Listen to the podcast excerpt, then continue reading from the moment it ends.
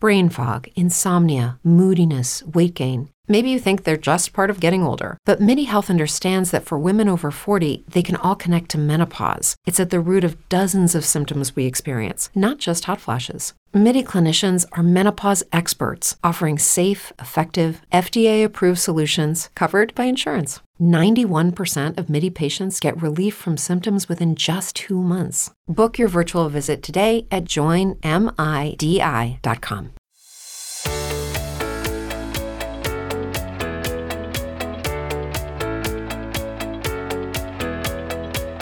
Сайн байна уу? Би Подлог подкастын хөтлөгч Зүвч байна. Би хөтлөгч Хүслэн байна. Манай подкастаар та оюун ухаан ба сэтгэл, Өөрийн амьдралын эргэн тойронд болж буй юм сүзэглийн талаар сэтгэл судлалын шинжилгээ ухааны үүднээс мэдхийг хүсвэл подкасттай минь хамт байгаарай.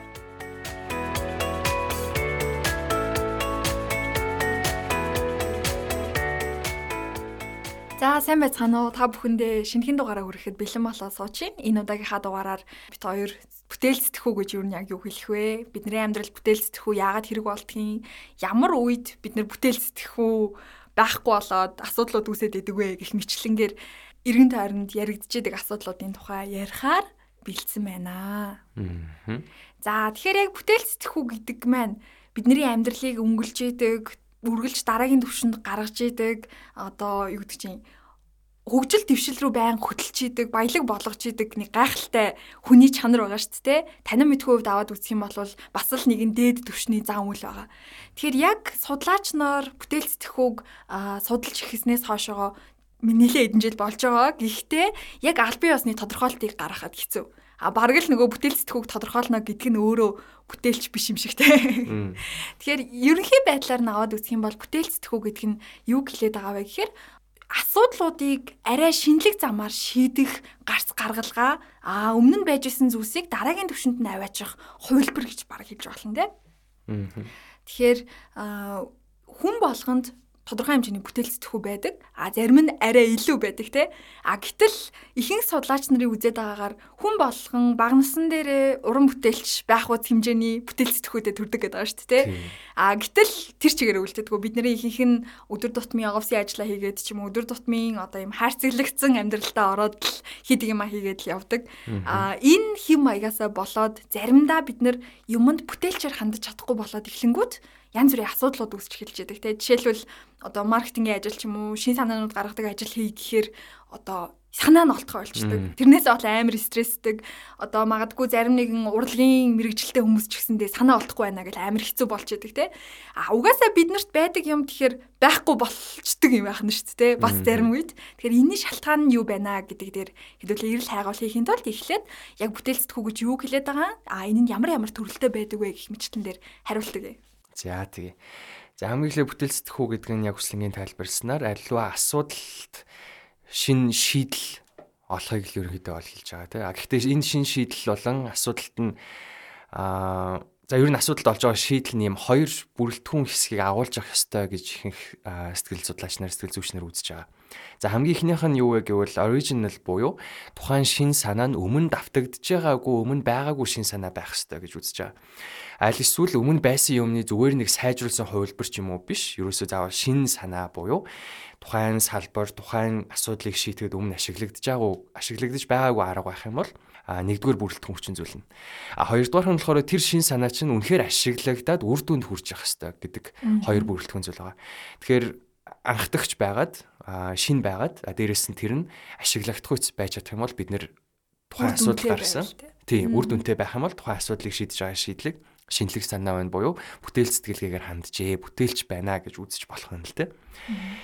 За дараад нь Тэгвэл сая ерөнхий байдлаар бид хоёр бүтээл сэтгэлгээг ер нь асуудалд шинэ шийдлийг олох гэж тайлбарлалцсан тийм. А гэхдээ Михаил би одоо нэрийг нь буруу дуудаж иж магадгүй айгүй олноор янз бүрээр дууддаг юм билээ. Михаил Чиксэн Михаил гэдэг а flow буюу одоо урсгалын онлын эцэг те урсгалын онлыг анх боловсруулсан хүнийхаар бол бүтээл сэтгэлгээг нэг дөрөв ангилж байгаа юм. За энэ дөрөв нь болохоор хамгийн эхлээд эхлээд хоёр ангилсан. Михаил чигсэн Михаил нь үүнийг нь цаашаа нь хөгжүүлээд дөрөв ангилал болгож хөгжүүлсэн юм байлээ. За энэ дөрөв нь болохоор мини си буюу хамгийн ихнийх нь бидний зүгээр өдөр тутамд болж идэг үйл явдалд гарч ирж байгаа бидний бодож байгаа бодлоодыг а ер нь бол хэлж байгаа. Тэгээд өөрөө өөртөө л ерөнхийдөө бол харьцаад өөрөө өөртөө л тухайн бодол нь үлдээд явж идэг. Ингээ жижигхэн жижигхнэр л гарч ирээ явж идэг а бүтээлч байдал. А дараагийн нь болохоор little c буюу минигээс арай том гэхдээ жижигхэн c гэсэн үг тийм. За энэ нь болохоор бидний амьдралд өдөр тутамдаа тулгарч идэг асуудлуудыг шийдвэрлэхийн тулд гарч ирж байгаа шинэлэг санаануудыг хэлж байгаа. А гэхдээ энэ нь бусд хүмүүст заавал үйлчлэх албагүй, бусд хүмүүс мэддэг ч албагүй зөвхөн би өөрөө өөрөө мэддэг тэр жижиг бүтээлч байдлыг хэлнэ. А гурав дахь нь болохоор pro c буюу ерөнхийдөө бол мэрэгжилтнүүд дийлэнхтэй ашигладаг. А мэрэгжилтнүүдийн а буюу одоо яг тодорхой шинжилгээ ухааны салбарт аль эсвэл урлагийн тодорхой нэг салбарт гарч ирсэн тэр нэг жижиг а за жижиг гэхдээ арай том шинэлэг байдал буюу бүтээлч санааг хэлж байгаа гэсэн үг. За жишээ нөгөө cubism гэдэг зургийн уран зургийн урсгал байх чинь тий. А тэр бол ерөөсөө уран зургийг ийм кубик буюу геометрийн хэлбэртэй дүрсүүдээр хийж болох юм байна гэдэг нь шинэлэг санаа байсан юм. А гэхдээ энэ нь зөвхөн тэр салбар болон тухайн хүний эргэн тойронд байгаа одоо мэрэгчлэтнүүд хамаатай зүйл болохоос биш. Надад бол тэр кубизм хурж ирээд миний амьдралд нөлөө үзүүлэх үс зүйл биш шүү дээ, тий. Харин тэр санаа надад хурж ирээд нөлөө үзүүлэх үс буюу хүн олон хүний амьдралд нөлөө үзүүлэх үс шин санаа байх юм бол түүнийг нь big C буюу том бүтээлч байдал гэж нэрлэж байгаа. За тэгэхээр ийм дөрвөн төрлийн бүтээлч байдал биднэрт хүмүүст байх боломжтой байх нь. Тэгэхээр хүн болгонд өдөртмийнхэн амьдралд бүтээлч санаанууд, бүтээлч байдлууд илэрж байгаа, гарч ирж байгаа. Тэр нь зөвхөн хамрах хүрээгээрээ өөр боловч адилхан л бүтээлч байдал болж явж байгаа гэж ойлгож байна. А тэгээд энийг нь бас хүн нөгөө сайн хэлээдсэн нэг байдалтай байсаар хагаад дахиад нөгөө маркетинг ажил руу жишээ нь ороо явсан чинь шин санаа гарч ирэхэ болчдөг. Тэгээд ер нь нэг багийн хурал хийх гэсэн чинь багийн ажиллагаа team work явах гэсэн чинь ерөөсө хүмүүсээс ингээ шин санаа гарахгүй нэг нь л толгоолоо яваад байдаг. Нөгөөднийхөө санааг нь бусдууд нь дэмжээл яваад байдаг юм уу те.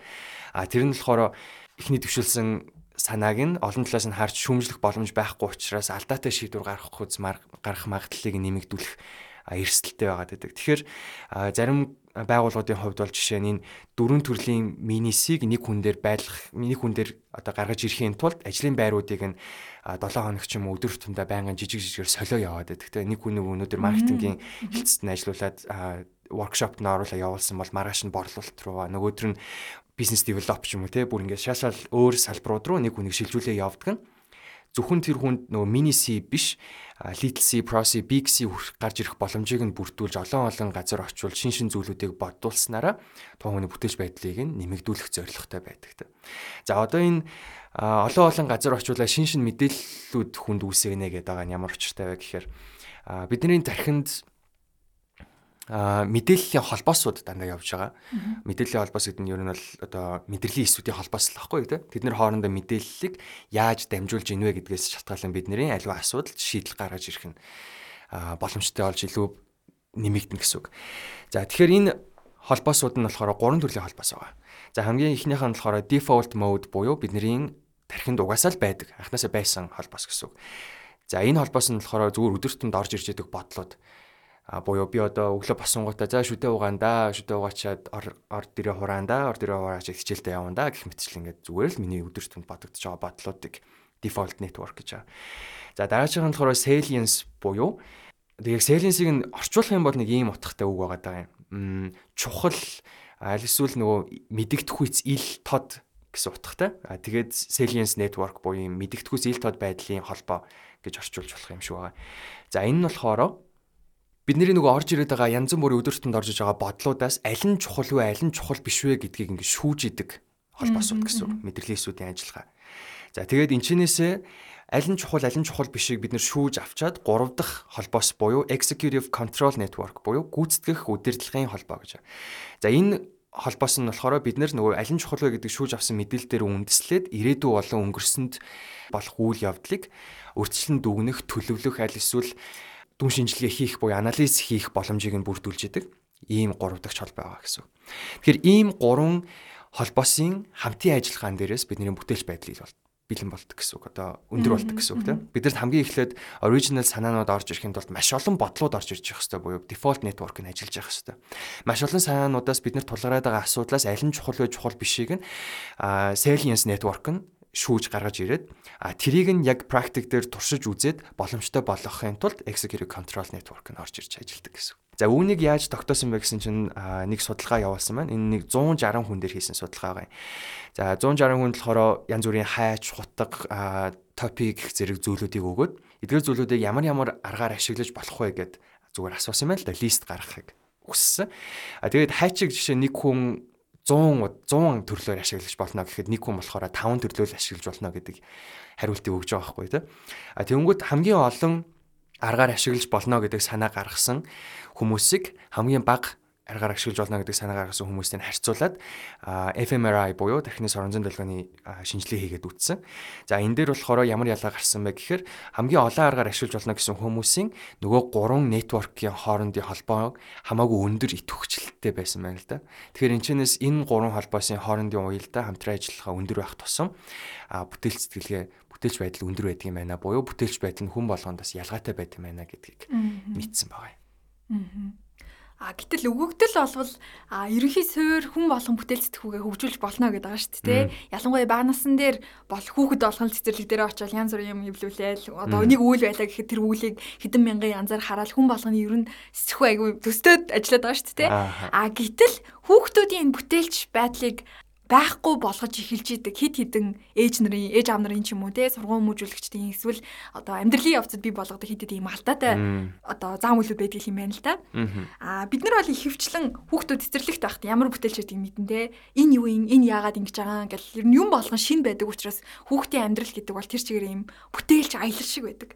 Аа гэтэл одоо магадгүй сургалтын явцад орж ирж байгаа а хяналт байдаг те. Ингэж болохгүй одоо юу гэдэг чинь одоо яг чи энэ хүснэгтийн дагуу юм дөрвөлжин зурх ёстой гэдэг ч юм уу те а эсвэл тоглоомыг чи яг зориултаар нь тоглох ёстой гэдэг ч юм уу хяналтууд за давхар одоо хийж байгаа юмд нь үнэлгээ хийх те одоо үнэлгээ бол цэцэрлэгийн насан дээрээс эхлээл бэж лээдэг зүйл шүү дээ те одоо гоё яг шугамынхаа дагуу зурх юм бол энэ A нэмэх гэдэг ч юм уу те а өнгөнгийн тавуу шугаар үнэлдэг ч юм уу те а энэ үнэлгээ нь гэтэл өөрөө хүний хүүхдийн ялангуяа бүтээл сэтгэхүйг байхгүй болоход нөлөөлж идэг гин л те Тэгээ дараагийн нэг зүйл нь гэсэн чинь уг нь бол өрсөлдөөнийг одоо ингээл бага насан дээр байх үед нь одоо хүүхдийг хурцлж өгдөг гэж зүйл гэж боддог те. А гэтэл өрсөлдөөн өөрөө давхар хүний бүтээлцдэх үг ялангуяа бага насн дээр нүгүү хийж байгаа нэг зүйл гинэ. Яг хөө ингээ эрүүлэр инженеэр ингээ бодоод үтсэн ч гэсэндээ өрсөлдөөнийг шүүж байгаа нэг шүүл шүүгч байгаа тий.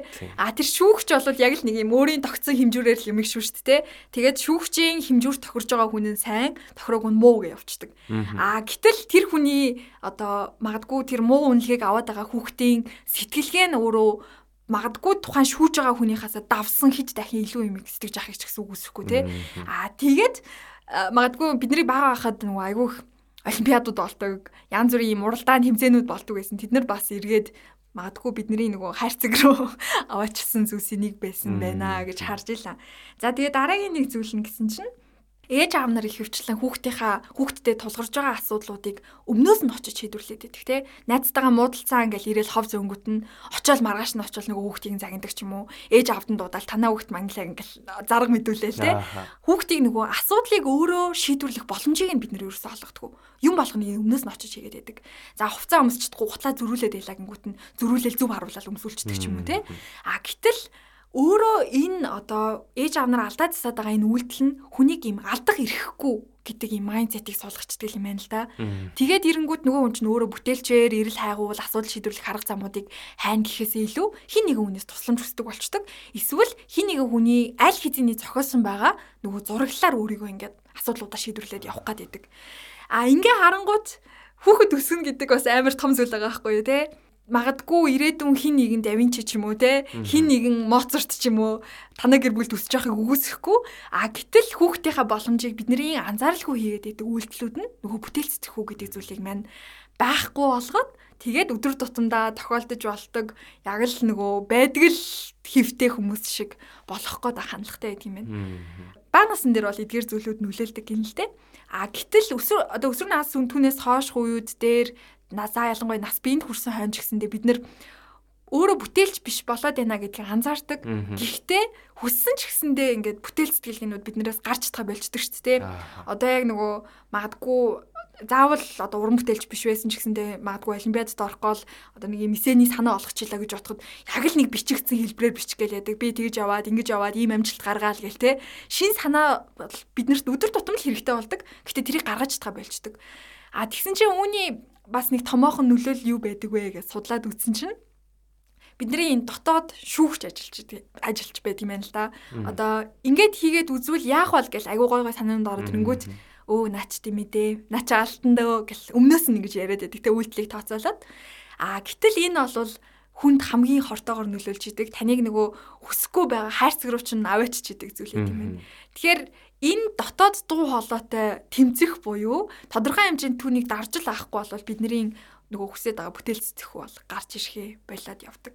Буюу алдахгүйгаас айхгүй байх хэвээр. Уга алдахаас айхгүй байх хэвээр гэсэн үг шүү дээ. Алдаад туршаад олон холбоосуудыг тархиндаа нэмжих ёстой л гэсэн үг тийм туршлагаасаа суралцаа. Тэгээд нөгөө харьцангуй бүтээл сэтгэхүй өндөртэй хүмүүс үе тэнгийнхаа одоо игэл жирийн хүмүүстэй харьцуулах юм бол хамаагүй их алдаануудыг хийдэг те. А тэр чинь угаасаа орлого нь их байгаа юм чинь өөс ойлгомжтой шүү дээ. А нөгөө хүмүүс бол яг юм батлагдсан замаар явах гэдэг шүү дээ. А я урагшаага яг чигээрээ алхвал би унахгүй гэдгийг мэдээд байгаа тийм. А гэтэл урагшаа чигээрээ алхах юм бол таны өмнө явсан тэр хэдэн мянган, хэдэн зуун, хэдэн сая хүмүүстэй та яг адилхан замаар л явна гэсэн үг. А эсрэг талд нь арай өөр яг өөртөө зориулсан жимээр явъя. Арай илүү төвшөнд гарья гэх юм бол та алдаа хийхээс өөр аргагүй болно. Туршиж үзэхээс өөр аргагүй болно хамгийн гол нь хичнээнээс мэдээж хэрэг босч ирдэг те. Төрөний эсэнчлэн нөгөө янз бүрийн холбоосуудыг үүсгэх нь л угаасаа чухал байгаа учраас. Тэгээд түүнээс гадна төрөний нөгөө нэг хүүхдүүд дээр илэрдэг хүүхд хүмүүжүүлэхдээ ашигладаг арга барилуудтай холбоотойгоор биднэрт нас биеинд хүрсэн одоо суучдаг зүйл нь юу байдаг вэ гэхээр альва нэг асуудлуудыг яг нөгөө шийдэж дадсан арга барилаараа л ингээл шийдэж гэлээд юм байна л да. Одоо чинь ажилдаа явлаа явж илаа гэж бодоход яг л нэг явдаг замаараа нэг явдаг автобусандаа суугаад явдаг те. Ажлаа тараал яг л нэг явдаг замаараа гэртээ очиод хардаг. А энэ хүнээс бүтээлч сэтгэхөө бүтээлч үнцэг гаргах бас нэлээ хэцүү л болох байна. Тийм.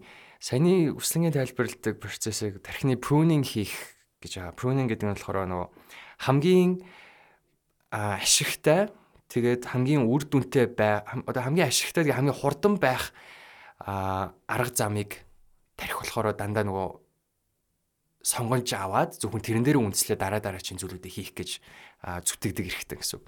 А инхэн биднэрт юу яагаад чухал байдаг вэ гэхээр цаг хугацаа хэмнэн а дээрэс нь энерги хэмнэж байгаа учраас хамгийн хурдан хамгийн өндөр үр дүнжинд хүрэх арга барилыг тарих өөртөө суулгачдаг гэсэн. А тэнгуү тэр тархины хамгийн хурдан хамгийн үр дүнжтэй арга замын холбоос үүсчихэж байгаа л гэсэн үг шүү дээ. Саяны хэлдэг нейроны нэтворкуд үүсчихэж байгаа л гэсэн. Тэгэхээр энэ нэтворкийг нь задлж ивдээд тэр холбоосуудыг нь тасдж байгаад дахиад өөр арга замаар тэр холбоосуудыг нь нийлүүлнэ гэдэг нь нас ахих тусам боломжгүй болж ирдэг. Яагаад тэгэхээр бидний хүмүүсийн тарих нас ахих тусам нөгөө прүний хийгдсэн процесс, прүний хийгдэж байгаа нь нэг нэгнээс улбаатай ингээд бүр амар үндэс суурьтай холбоосууд болоод гараад ирдэг гэсэн үг. Хүчтэй болоо гараад ирдэг. Тэгээд дээрэс нь бид нэр дахиад шин зүйл туршиж үзье гэх юм бол биднэрт тийм их цаг хугацаа байхгүй тэгж их зарцуулаад байх энерги байхгүй яагаад бол өдөржингөө ажилтай орой тараад хүүхдүүдэд аваад гэртээ хараад хоолундаа хийгээд бла бла зөндөө ажилтай байдаг те. Тэгэхээр тэр шин зүйлийг доршиж үзэхээс илүүтэйгээр зүгээр хуучин дадсан юма хийгээ явах нь хамаагүй ашигтай мэтэр санагддаг тийм. Гэтэл бид тэр бид нар тэр нөгөө нэг шин зүйлүүдэд байнгын эвдээд өөр өөр зүйлүүдийг тархины хоол өөр өөр одоо холбоосуудыг үүсгэх нь саяны бид хоёрын өмнө яриад байдаг. Тэрний үүссэн холбоос чинь өөр нэг асуудал тулгархад тухайн асуудлыг шинээр харах, өөр өнцгөөс харах, а өөр газар ашиглагддаг шийдлүүдийг тэр нэг асуудал дээр авчираад ашиглах тэр харах өнцгийг нь бий болгоход нэмэртэй тустай байдаг байна л тээ. Түрүүн бас хоёлаа нөгөө нэг урсгал төлөвийн талаар ярьсан тий. Тийм тэрэн дээр чи дэлгэрүүлээч. Аа за flow болохоор flow гэдэг онол нь болохоор а ер нь анхаарлын дээд цэгийг л хийж байгаа гэсэн үг. Аливаа зүйлийг хийгээд суухдаа бүрэн анхаарал төвлөрөөд тэгэж бүрэн анхаарал төвлөрсөн үе бид нөгөө цаг хугацаа хэр хурдан удаан өнгөрснийг ялгахаа болчдөг. А хажууд хүн юм ярьж байхад сонсгоо болчдөг. А ч юм уу те ингээд нэг зүйлдээ бүр бүрэн уусаад өөрийгөө бүрэн зориулахыг л урсгал төлөвт орчиж байгаа гэж хэлж байна. Энэ урсгал төлөвт орсноороо хүн ер нь ямар хүмүүс энэ урсгалд ордیں۔ А урсгалд орох нь буцаад нөгөө хүний сэтгэл зүйн эрүүл мэндэд сэтгэл зүйн сайн сайхан байдалд яаж нөлөөлдөг вэ гэхээр нэгдүгээр яг дуртай зүйлээ а passion бай passionate байдаг зүйлээ гэсэн үг те. Ингээд маш их дур сонирхлоороо хийдэг зүйлээ хийж байгаа хүн илүү урсгал төлөвт орох магадлал өндөртэй. Гэхдээ энэ урсгалыг бас урсгалд орж исэн хүмүүсийн тоо бас айгүй цөөхөн учраас энийг ер нь миф гэж ярьдаг зарим сэтгэл судлаач нар зүгч нар. А гэхдээ яг энэ урсгал төлөвт орсон гэж өөрийгөө үздэг хүмүүс нь болохоор энэ урсгал төлөвт орсноороо яг үнэхээр нөгөө онлайн тодорхойлтон дээр байдаг цаг хугацаа яаж хурдан өнгөрснгийг анзаараагүй хажууд хүн ярьж байхад юм болж байхад анзаараагүй байдгаа гэдэг зүйлүүдийг хэлдэг учраас нөгөө талаасаа бас үнэхээр үнж гэж үздэг. А тэгэхээр дуртай юмаа нэгдүгээр тийх буюу яг тэр дуртай юмдаа өөрийгөө бүрэн зориулаад сууж байгаа хүнд илүү урсгал төлөвт орох магадлал өндөртэй. Аа ингэж урсгал төлөвт орж өөрийгөө бүрэн зориулснараа сэтгэл зүйн эрүүл мэнд ягаа сайн байд сайжирдаг вэ? Аа эрэг үр дүнтэй байдаг вэ? Эрэг нөлөөтэй байдаг вэ гэхээр нэгдүгээр цаг хугацаа яаж хурдан өнгөрснийг анзаарах болчихж байгаа. А тэгээд дээрэс нь нэг зүйлээ урт хугацаагаар хийгээ суухаар өөр олон зүйлүүд зүйлүүд бодож буюу нөгөө асуудал тулгарсан бол асуудлуудаа бодохгүйгээр ирээдүйн тухай санаа зовхгүйгээр өнгөрсөн болсон муу мухай дурсамж толгоор нь орж ирэхгүйгээр цаг хугацаа өнгөрөх боломжтой болдог. Тэгэхээр ийм нөгөө эерэг бодол саяануудыг хүн ойр ойрхон бодох аль эсвэл сөрөг зүйл дээр анхаарлаа төвлөрүүлэхгүй олон удаа давтагдах нь буюу энийг practice хийх нь дараа нь ирээдүйд бид нар аливаа асуудлыг харахтаа аливаа зүйлд хандахдаа эрэг талаас нь хандах магадлалыг нэмдэг учраас энэ талаас урсгалд орж нэг зүйл дээр урт хугацаанд анхаарал хандуулж суух нь сайн нөлөөтэй байдаг. Аа нөгөө талаас урсгалын сэтгэл судлал нь одоо яг эрэг сэтгэл судлалтай холбоотой болж эхэлдэг. Нөгөө урсгалын онлыг гаргасан Михаил Шигсэн Михаил нь өөрөө эрэг сэтгэл судлаач гэж бас явдаг. А энэ эрэг сэтгэл зүйн үүднээс эрэг сэтгэл зүй сэтгэл зүйн сайн сайхан байдны үүднээс бол сэтгэл зүйн сайн сайхан байдал нь юунаас шалтгаалдаг вэ гэхээр өөрийгөө хөгжүүлэх а дээрэс нь ирээдүйн төлөө одоо ирээдүйд хандсан тийм үйлдэл хийх буюу ирээдүйд эрэг зүйл болно гэдэг төсөөлөлтөй байх гэдэг ийм гурван хүчин зүйлийг агуулж явж байдаг. Үүнээс гадна зөндөө хүчин зүйлүүд байгаа. А энэ гурван хүчин зүйлийг нь яг урсгалд орсон хүний байгаа байдал хангаж өгч байдаг. Тийм учраас энэ нь олон удаа давтагдах үедээ одоо сэтгэл зүйн сайн сайхан байдалд чухал нөлөө үзүүлдэг байх юм л та. Сэтгэл зүйн эерэг болгодог гэсэн. А түүнээс гадна нөгөө урсгал төлөвт орсон үед ухамсар дарагдаж эхэлдэг гэдэг байгаа шүү дээ. А хамгийн гол нь нөгөө бүтээлч байдлуудын бүтээлч байдлын ерөн судалгаануудыг хараад явж байхад ихэвчлэн ухамсаргүйтэй холбоотой байгаа гэдэг. А ухамсаргүй гэдэг маань бид нар бол мэдж байгаа тий. Өөрөөр хэлбэл логик дарагдаж эхэлж байгаа үе гэсэн үг. А ийм юм зөв, ийм юм буруу гэдэг бидний сэтгэлгээ дарагдаж эхэлж шүү дээ. А өөрөөр хэлбэл ухамсаргүй ингээд хүчтэйгээр ажиллаад эхлэнгүүт хүн нөгөө өмнө нь мэддэг байсан гэдгээ хүртэл мартцсан зүйлсүүд ч юм уу те. Эсвэл нөгөө тийм төдийлөн ач холбогдолтой гэж бодогддггүй байсан бидний мэдрэмжүүд гой гой бэлгэдлийн шин чанартай одоо гозон өгөгдлүүд ч юм уу те. Яг нөгөө ухамсаргүйгээр гарч ирж идэг. А энэ холбоосуудыг магадгүй логик буюу нөгөө ухамсар маань одоо ажиллаад эхлэх юм бол магадгүй би болгоход хэцүү зүйлстэй. Өөрөөр хэлбэл бүтээл сэтгэхүй ухамсаргүйтэй илүү холбогдоод байна. Тэгэхээр нөгөө урсгал төлөвт яагаад орсноороо хүмүүс илүү юм бүтээлж байгаад байна вэ гэхээр бас түүнтэй бас холбоотой байхыг үгүйсэхгүй. Аа дараагийн нэг зүйл нь зин байгаа те. Зингийн санаа бол ерөөсөө ингэж явдаг штеп.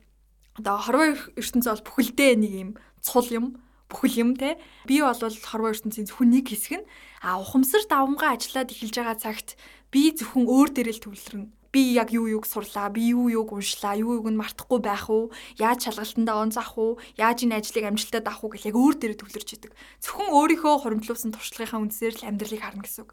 Зин дээр болохоор юу гэж үзээд байгаа вэ гэхээр хэрвээ ухамсараа дараад эхлэх юм бол хамгийн ухамсаргүй буюу одоо нөгөө бүхэл том зургаар нь бүхэл хорвоо ертөнцийн одоо мэдлгүүд, туршлагууд бүгдээрингийн чи өөрөө хүлээж авах боломжтой болно гэж үзээд. Аа. Сонирхолтой. Тийм, сонирхолтой. Тийм. А саяны хэлдэг нэг ухамсаргүйтэй холбоотой гэдгийг дэмжих нэг судалгаа байгаа юм. За судалгаа. Тий, ер нь бол нөгөө контент анализ л та судалгааны үр дүн. За ямар зүйл төр контент анализ хийсэн бэ гэхээр ер нь нөгөө алдартай нээлтүүдийг хийсэн хүмүүс, алдартай уран зургуудыг а урлагийн салбар урсгалуудыг үндэслэгч нар дээр хийсэн судалгаа байгаа юм.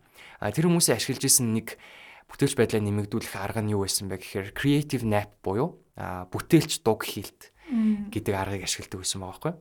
За энэ нь болохоор бүтээлч дуг хийлт гэдэг нь хүн яг унтах гад хөвтөж байгаа тэр нэг орон дээр ингээд нүдэн анид хөвтөх нэг цэг байгаа тийм. А тэрнээс яг бүрэн унтах гэдэг нэг цэг хүрэх хугацаа байгаа шүү дээ. Тэр нь магадгүй 5 минут зарим хүмүүсийн хувьд хөвтөнгүүтээ шүү унтдаг хүмүүс байгаа. А хөвтөд олон юм бодож байгаа унтдаг хүмүүс байгаа. Тэгэхээр нөгөө хугацааны янз бүртэй. А гэхдээ тэр хугацааны хамгийн төгсгөлөө яг нөгөө унтах яг гүн нойр руу орох гэж байгаа үед болж байгаа нэг 20 орчим секундын хугацаа байт юм байна л да. А энэ хугацааг нь hypnagogic state гэж нэрлэж байгаа юм. За hypnagogic state гэдэг нь яг тэр унтах гэж байгаа үеийн л төлөв байдлыг хэлж байгаа гэсэн үг. А hypnagogic state. За энэ hypnagogic state-ийг болохоор Томас Эдисон, Салвадор Дали, Эйнштейн зэрэг хүмүүс ашигладаг байсан байна л да. За энэ нь яаж ашигладаг вэ? Яаж тус урагддаг байсан бэ гэхээр а энэ төлөвт очихороо хүний болчингууд тайвшраад а амралтын байдалд очдог. А ингэж амралтын байдалд очсноор бидний нөгөө анхны default mode маань итвчдэг гэсэн үг тархины. Маш олон бодлууд бидний толгой руу орж ирээд а энэ олон бодлууд орж ирсний үндсэн дээрээс бид нэр барьж аваад аль нь чухал вэ, аль нь үр дүнтэй вэ гэдгийг шүүх боломж нэмэгдэн гэсэн үг шүү дээ тий. Алилах 100 санаа орж ирэх, 1000 санаа орж ирэх, 1000 санааны чухлуудыг нь авах, 100 санааны чухлуудыг авах тооны хувьд ялгаатай байх боломжтой тий. Тэгэхээр энэ шинжлэх ухаанчид урлагийн зүтгэлтнүүд энэ аргыг ашигладаг байсан байна. Яаж ашигладаг байсан бэ гэсэн чинь бүгд одоо энэ creative nap руу орохын тулд одоо Томас Эдисон жишээ нь юм шилэн бөмбөлөгч юм уу ингээ нэг зүйл бариад унтдаг. А тэгээ яг унтахын алдад нөгөө болчонгууд сулраад гар нь суларчингууд нөгөө барьжсэн зүйл нь газар унаад чимээ гаргаад буцаагаас сэрээчдэг. Тэнгүүд яг тэр хальт сэрсэн байдал дээр өөрийгөө бариад үлдчихдэг. Ингиж барьж үлдээ толгойд нь орж ирж байгаа бодлуудаа шүүгээд бодоод хөвтөж явах та шин шин сайнуудыг олдог байсан байх чинь. А Салвадор Далигийн хувьд болохоор халбаг урьж унтдаг байсан гэж байхгүй. Тэгэхээр энэ нөгөө булчин суларсан гүн нойрлуу орохоос өмнөх үе бол нөгөө нэг ухамсаргүй байдалтай илүү холбогдтой буюу бид нар яг ухамсар нэлээд дарагдаад нэлээд чөлөөтэй болоод бидний бодол санаанд орж ирэх зүйлүүдэд хязгаарлалтгүйгээр оруулж ирээд байгаагийн илрэл болж байгаа юм. Яг энэ нөгөө унтаас хэрүүний үед хүний тархинаас тета долгион ихээр ялгардаг юм л те. Аа тэнгууд энэ тета долгион нь өөрөө дахиад бүтээлч байдалтай холбогдоод байгаа. Тэгсэн чинь аюу сонирхолтой нь өсвөр насныхан за багаас өсвөр нас хүртэлх үед хүн одоо сэрүүн үед ч гэсэн энэ тета долгион аюу эрчимтэйгээр ялгарч идэг гинэ. Тэгэхээр яагаад нөгөө бага насны хүүхдүүд өсвөр насныхан янз бүрийн амьдрал дээр байж боломгүй гой гой шин санаануудыг бий болгоод байдаг вэ, гаргаад байдаг вэ, төсөөлөд байдаг вэ гэдгийн хариулт нь энд явж байгаа байхгүй юу? А гэтэл хүн нас биенд хүрэх тусмаа сэрүүн үед тета долгион ялгарх нь багасаад эхэлдэг. Өөрөөр хэлбэл бидний бүтээл сэтгэхөө баг багаар багасаж эхэлдэг байх нь шүү дээ. А тэрийг нь мэддэг хүмүүс ингээд янз бүрийн арга техникүүд ашиглаад байна гэсэн үг байх нь шүү дээ. Тийм, эдгээр бол одоо бүр нөгөө юун тархинаас орон зам бичлэг, цахилгаан бичлэг а байхгүй үед тэгээ эднэрийг өөрсдийн одоо туршлагаараа ч юм ямар нэгэн байдлаар олон мэдсэн бас сонирхолтой тийм. Харин тийм. За тэгвэл бүтээл сэтгэлгээд өөр юу нөлөөлдөг вэ? Аа буюу оюун ухааны төвшин бидний IQ нөлөөлдөг үү? А дээрэс нь ямар онцлогтой хүн бэ гэдэг нь бүтээл сэтгэлгээд нөлөөлдөг үү? А бидний хүрээлэн бо орчин бас бүтээл сэтгэлгээд нөлөөлөх үү гэдэг асуулт байна. За тэгэхээр хамгийн эхлээд ямар онцлогтой хүмүүс тэгвэл бүтээл сэтгэлгээ илүү өндөртэй байдаг вэ гэхээр ер нь бидний бит хоёрын саяны ярьсан бүх зүйлээс маш их зүйлүүдийг туршиж үздэг. А буюу шин шин зүйлүүдийг хийгээд алтхаас айдаггүй хүмүүс нээлттэй хүмүүс. Нээлттэй хүмүүс. Буюу одоо big 5 гэдэг орчуулах юм бол нөгөө том 5 гэж орчуулдаг би хүний онцлогуудын онол байгаа шүү дээ. Энэ тавын нэг онцлог нь болохоор openness to experience буюу туршлагад нээлттэй ханддаг зан чанар өндөртэй хүмүүс бүтээлч байдалтай илүү өндөр хамааралтай гэдэг судалгааны үр дүнгууд олон дахин давтагдж гардаг байна. Аа тэгэхээр бид хоёрын дөрөвний өмнөх ярьдаг бүх зүйлүүдийг энэ personality traits буюу би хүний онцлогийн онолууд нь бас дэмжиж явж байгаа гэсэн үг. За нөгөө талаасаа тэгвэл IQ яаж хүний бүтээлч байдал нөлөөлдөг вэ гэхээр IQ нь өөрөө орж ирсэн мэдээллүүдээс алиг нь чухал чухал бишийг нь гарч ирэх болон тэр орж ирсэн бодлуудын үндэслэж байгаа нөхцлүүд дээр нь тулгуурлаж шүүж авах гэдэг тархины таны мэд хүмүүл ажиллагаа явагдаж байгаа учраас чухал нөлөөтэй. А дээрээс нь тэр мэдээлэлээ шүүж аваад практик дээр яаж үр ашигтайгаар тэр орж ирсэн санаагаа хийх вэ те санаагаа яаж бодтой болгох вэ гэдэг нь бас нөгөө санаагаа бодтой болгохын тулд үр дүнгуудыг нь олон талаас нь тооцсон. Тэр санааг ашигла энэ нөхцөлд ашиглахын тулд өөр нэг нөхцөлд ашиглахын тулд шаардлагатай босод нөхцлүүдийг нь гаргаж иж бодох шаардлагатай болох буюу нөгөө нөхцөлийг олон талаас нь анализ хийх шаардлагатай.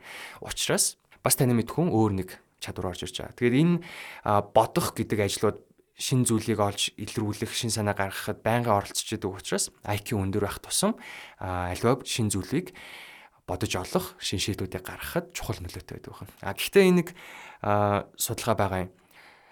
140 айгуутай IQ-тай байх юм бол тэ IQ 140-тай байх юм бол ер нь физикийн хангалттай их мэдлэг мэдээллүүдийг олж аваад ер нь бол физикийн салбарт ажиллах боломжтой болно гэдэг судалгааны үр дүн байгаа байхгүй.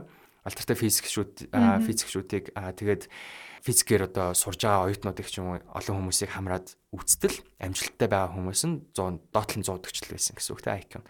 А гэхдээ энэ 140 IQ-тай байх нь шууд бүтээлч байдалтай байх юм уу гэвэл үгүй. Нөгөө нэг хуулийнхаа өмнө ярьдаг хүчин зүйлүүд болох experience нээлттэй ханддаггүй үгүй юу.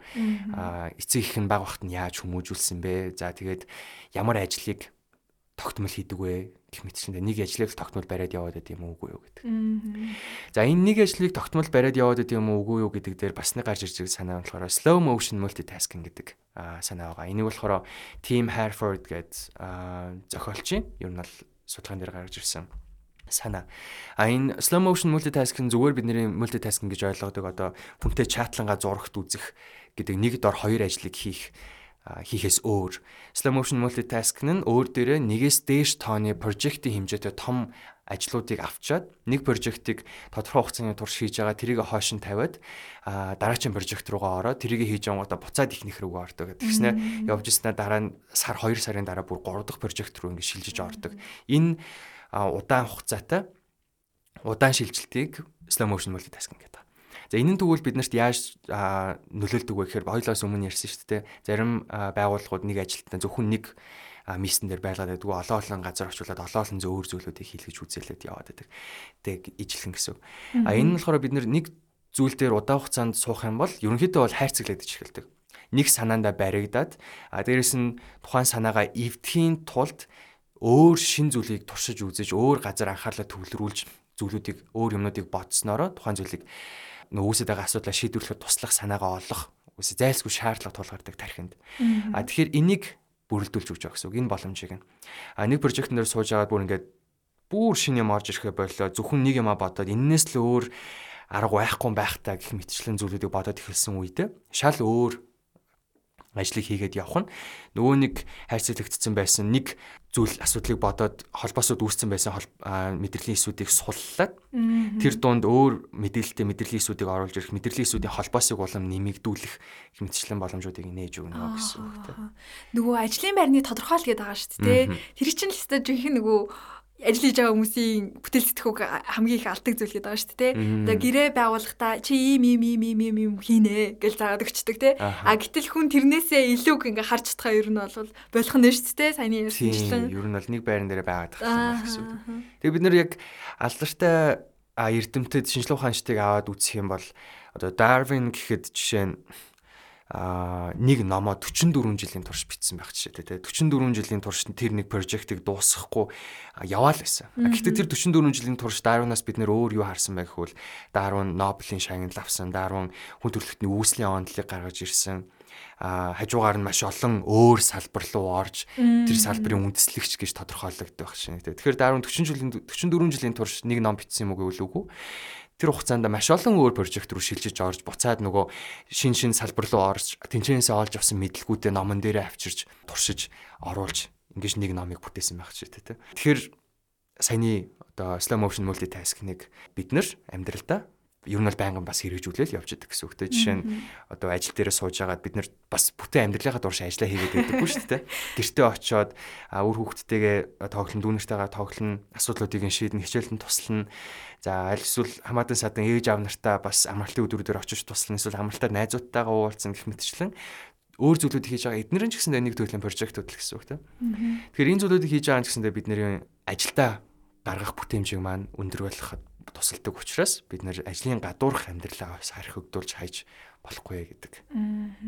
Яг тийм штэ ингээд санаа орж ирэхгүй байхад нь угаасаа ингээд нүдээ ширээн дээр ингээд ганцаараа суугаал ах юм бол юм орж ирэх нь итгэл тэрнээсээ үүс ийсэн стресс болол дуусчихдээ шүү дээ. Тэгэл энерги өрөөл нэг тархин ингээл химлэл химлэл яваад байдаг ч юм уу те.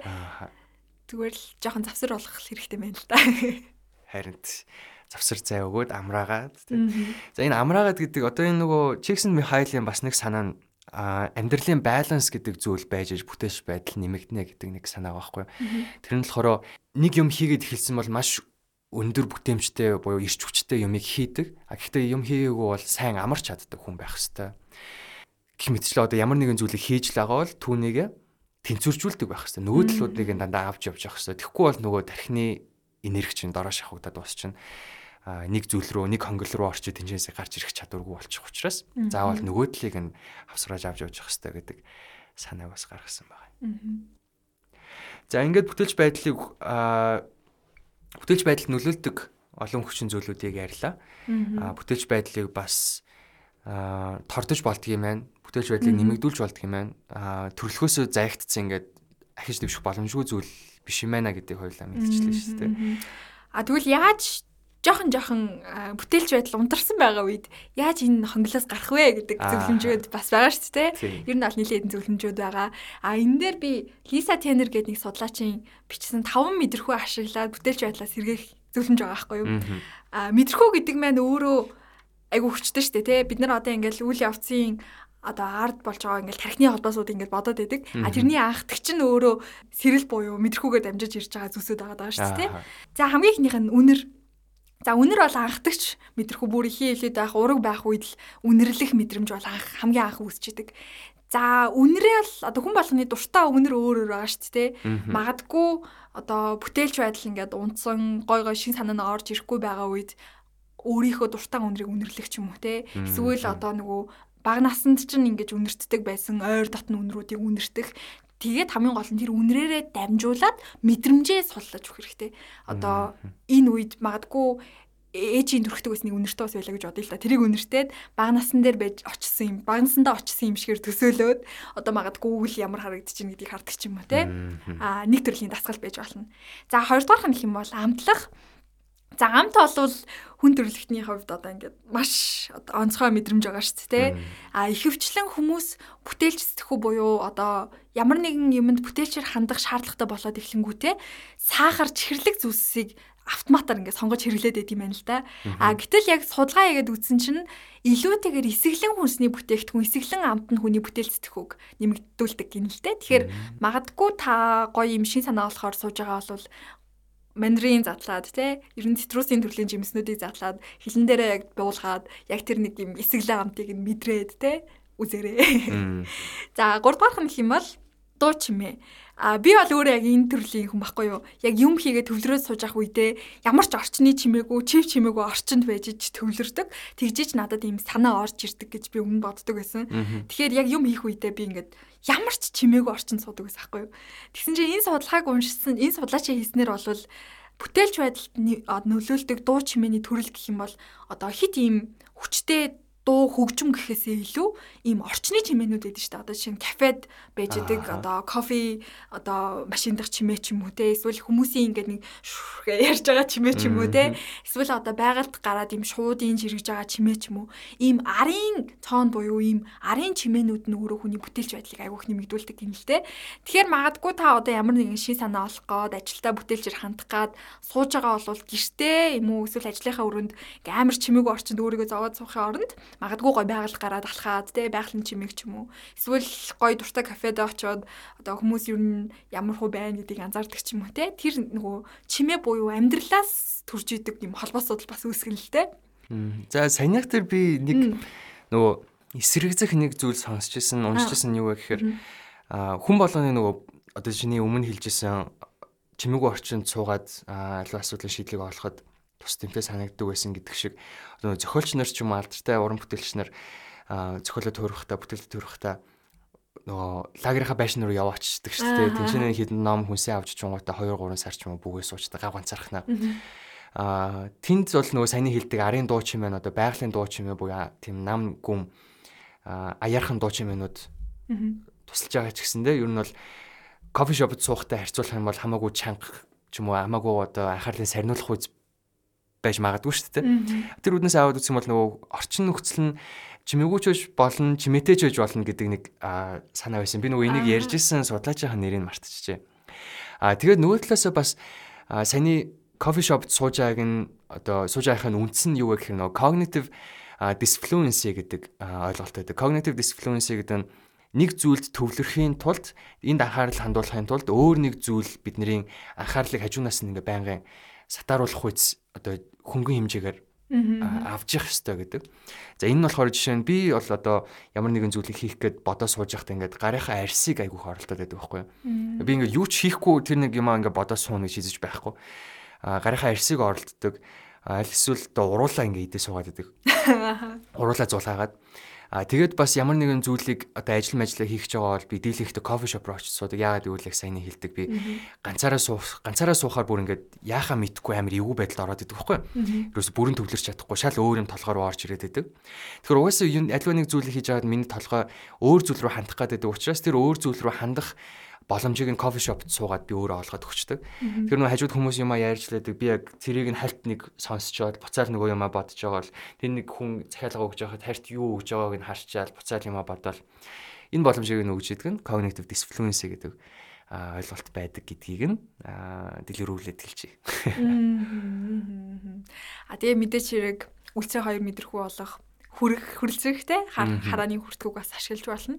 А ер нь энэчнээс ямар дүгнэлт хийж болохоор байгаа вэ гэхээр заавал түрүүнд нөгөө завсар гарга хийсэн шүү дээ тий. Тэр завсрыг яаж олох юм бэ гэдэг дээр л одоо шинжлэх ухааны үндэстэй зөвлөмж хэлээд байна гэсэн. Өөрөөр хэлбэл заавал санаа орж ирэхгүй байхад одоо орж орж ирэх ёстой. Заавал энийг энчээ хийнэ гэсэн одоо ийм механикаар буюу логик ажилуулж бүтээл санаа гэдэг зүйл бол төрдөггүй.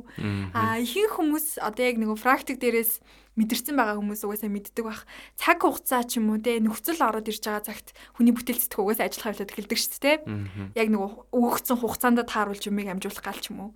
Тэгэхээр тийм яг нөгөө нэг юмд бүтээлчээр хандъя. Гой шин санааг нэмэлтээр бий болгоё гэж байгаа бол зүгээр л туршлагад нээлттэй өөрийгөө байлгаал те. Аа давхар бас хит их хүчлээд хэрэггүй л гэдэг дүгнэлттэйгээр нэмэлтээр нэг санаа байна. Аа энэ Wendy Suzuki гэдэг neuroscientist-ийн санаа. Ер нь бол Wendy Suzuki-гийн хувьд болохоор нөө дасгал хөдөлгөөн хүний тархины эрүүл мэндэд яаж нөлөөлдөг вэ гэдэг аа судалдаг. Сүүлийн үед ер нь судалдаг болсон. Тийм судлаач байгаа. А Windows Suzuki-гийн дэвшилж байгаа сайн болохоор бидний өдөртмийн бүтээлч байдалд ер нь тархины эрүүл мэндэд буюу тархи эрүүл байж ижил бид нэр эрүүлэр сэтгэж бодно шүү дээ. А тийм учраас энэ тархины эрүүл мэндэд өдөртмийн дасгал хөдөлгөөн өдөртмийн биш юмаа гэхэд ер нь бол зүгээр биеэ хөдөлгөх нь л өөрөө яаж тусалдаг вэ гэдгийг хэлсэн байгаа юм. Тэгээд Windows Suzuki-гаар болохоор тайлбарлаж байгаа нь бид нар ямар нэгэн дасгал хөдөлгөөн хийхэд нөгөө бидний бит хоёрын байнга л ярьдаг тархины одоо Мэдрэлийн нейротрансмиттерүүд те. Серотонин, допамин, норадреналин гэх мэтчлэн хүний идэвхжлийг тархийг сэрээж өдөөж өгж идэг эрэг болгож идэг тэр даавар нейротрансмиттерүүд ялгарч идэг учраас дасгал хөдөлгөөнийг айгуу чухлаар тооцоод байдаг. Тэгээд дасгал хөдөлгөөнд хөдөлгөөндөө аэробик буюу одоо товчоор бол зүгээр уушигны багт амжийг илүү шаардсан амьсгалах шаардл амьсгалах шаардлагатай тийм дасгалууд гэсэн үг. Алхах, гүйх гэх мэтчлэн дасгалууд гэсэн үг тийм. А энэ дасгалууд нь болохоор тархины цусан хангамжийг нэмэгдүүлж идэг. Тархины цусан хангамж нэмэгдэнэ гэдэг чинь тархинд очиж хүчил төрөгчийн хэмжээ нэмэгдэнэ гэсэн үг. Тэгэхээр энэ хүчил төрөгч болон цусны тэжээлийн тусламжтайгаар тарих илүү сэргэг нөгөө холбоосуудын хоорондын мэдээ дамжуулах хурд ч гэсэн илүү хурдтай болж ирдэг учраас дасгал хөдөлгөөнийг бас чухалчлаад байгаа. Тэгээд дасгал хөдөлгөөн хийдэг болохын тулд бол заавал 7 хоногт 3 удаа, заавал нэгдэх 3 дахь 5 дахьад биш те. А дөнгөж алхаж эхэлж байгаа хийх гэж эхэлж байгаа хүмүүсийн хувьд бол нөгөө brisk walking буюу хурдтай алхах зүгээр нөгөө алхдаг хэмнэлээр алхах нь уушиг тэгж ачаал болохгүй хэвийн төвшөндөл байлгаад байгаа учраас аллах алхдаг хэмжээнээс жаахан хурдтайгаар алхаж эхлэхэд л хангалттай гэж байгаа. За тэгэхээр бүтээл сэтгэлгээний талаар иймэрхүү байна. Аа хүүхдүүдийнхаа өөрсдийнхөө сэтгэл зүйн эрүүл мэндэд нь хандах тэ сэтгэл зүйн эрүүл мэндэд нь эргээр нөлөөлөх нэг зүйл нь ер нь бүтээл сэтгэлгээнд анхаарах гэж бас шууд ойлгож байна тэ. За тэгэхээр дараагийнхаа дугаараар эргээд уулзцгаая. Баяр таа. Баяр таа.